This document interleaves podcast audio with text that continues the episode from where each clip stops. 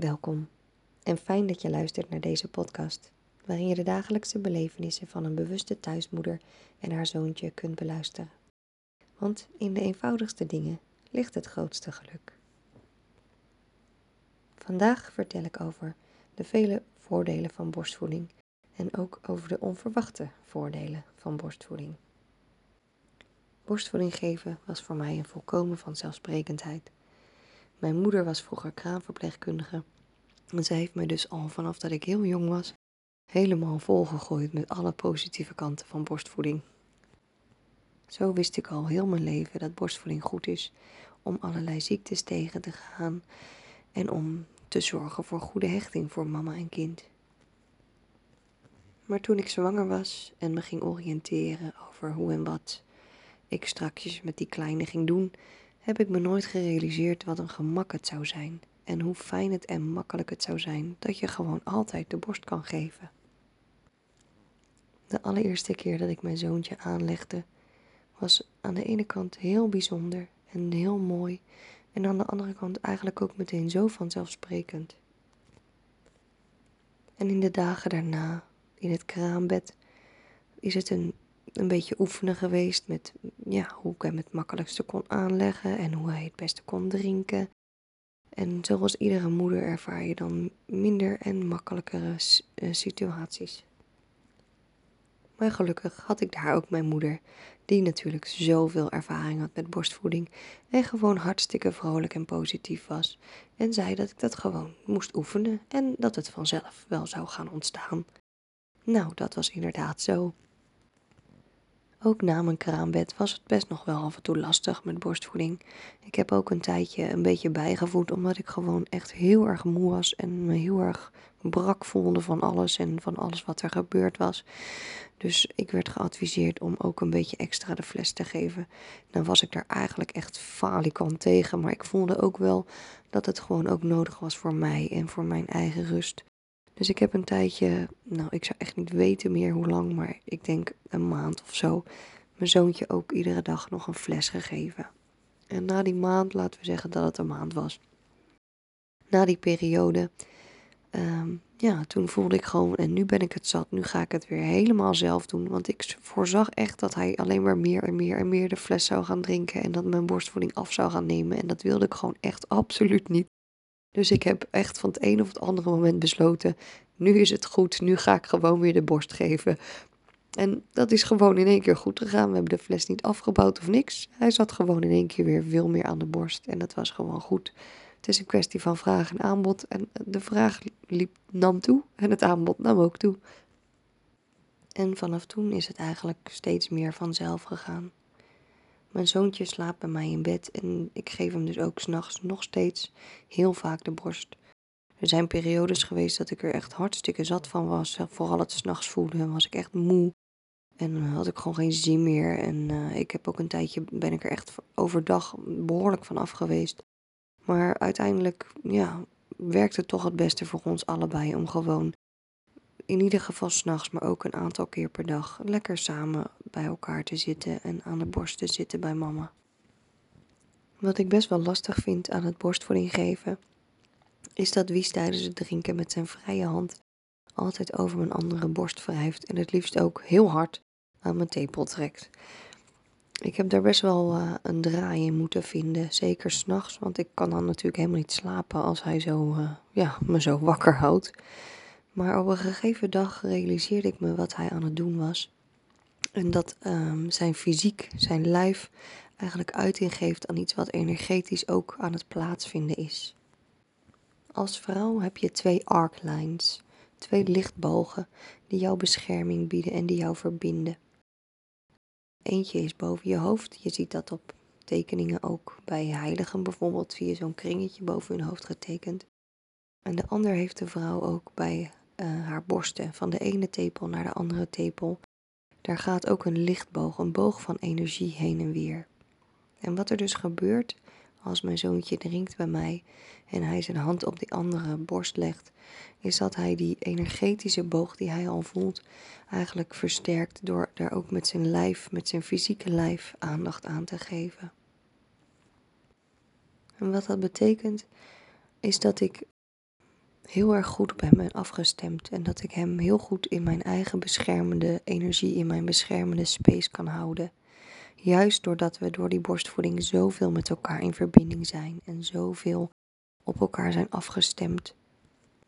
Die arkline, die lichtboog tussen mijn tepels, zorgt ervoor dat mijn zoontje nog beter beschermd is door mij. Nog beter, dat ik hem nog beter in mijn eigen moederenergie, in mijn eigen beschermende energieveld kan houden.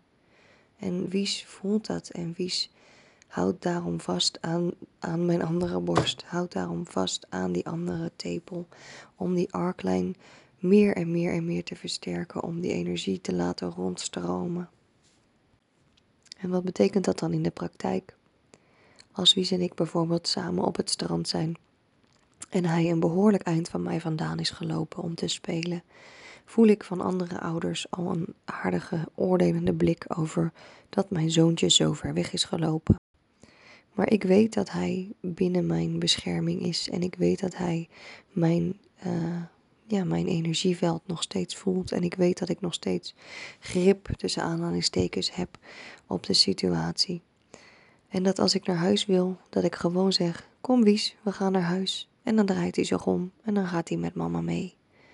En dat komt door die beschermende energie, door die arklijn, die we samen door de borstvoeding versterken en versterken en versterken. Onze verbinding is heel sterk en heel harmonieus. Een voordeel van borstvoeding waar ik als kind echt nooit over na had gedacht toen mijn moeder me alle voordelen van borstvoeding benoemde.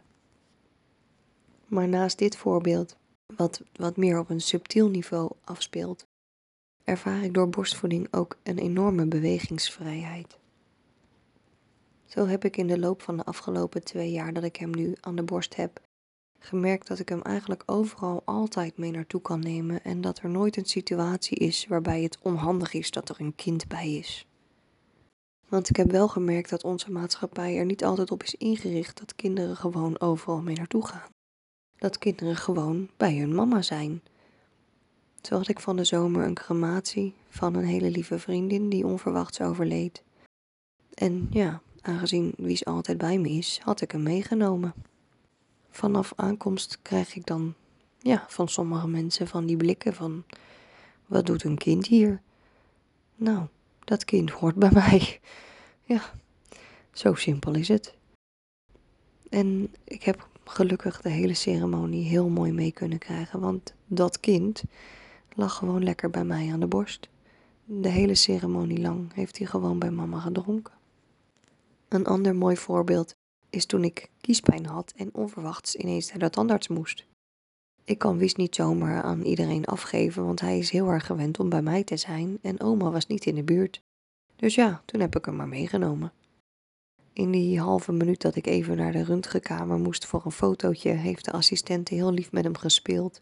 En daarna, toen ik in de stoel moest gaan liggen, is hij bij me op schoot geklommen.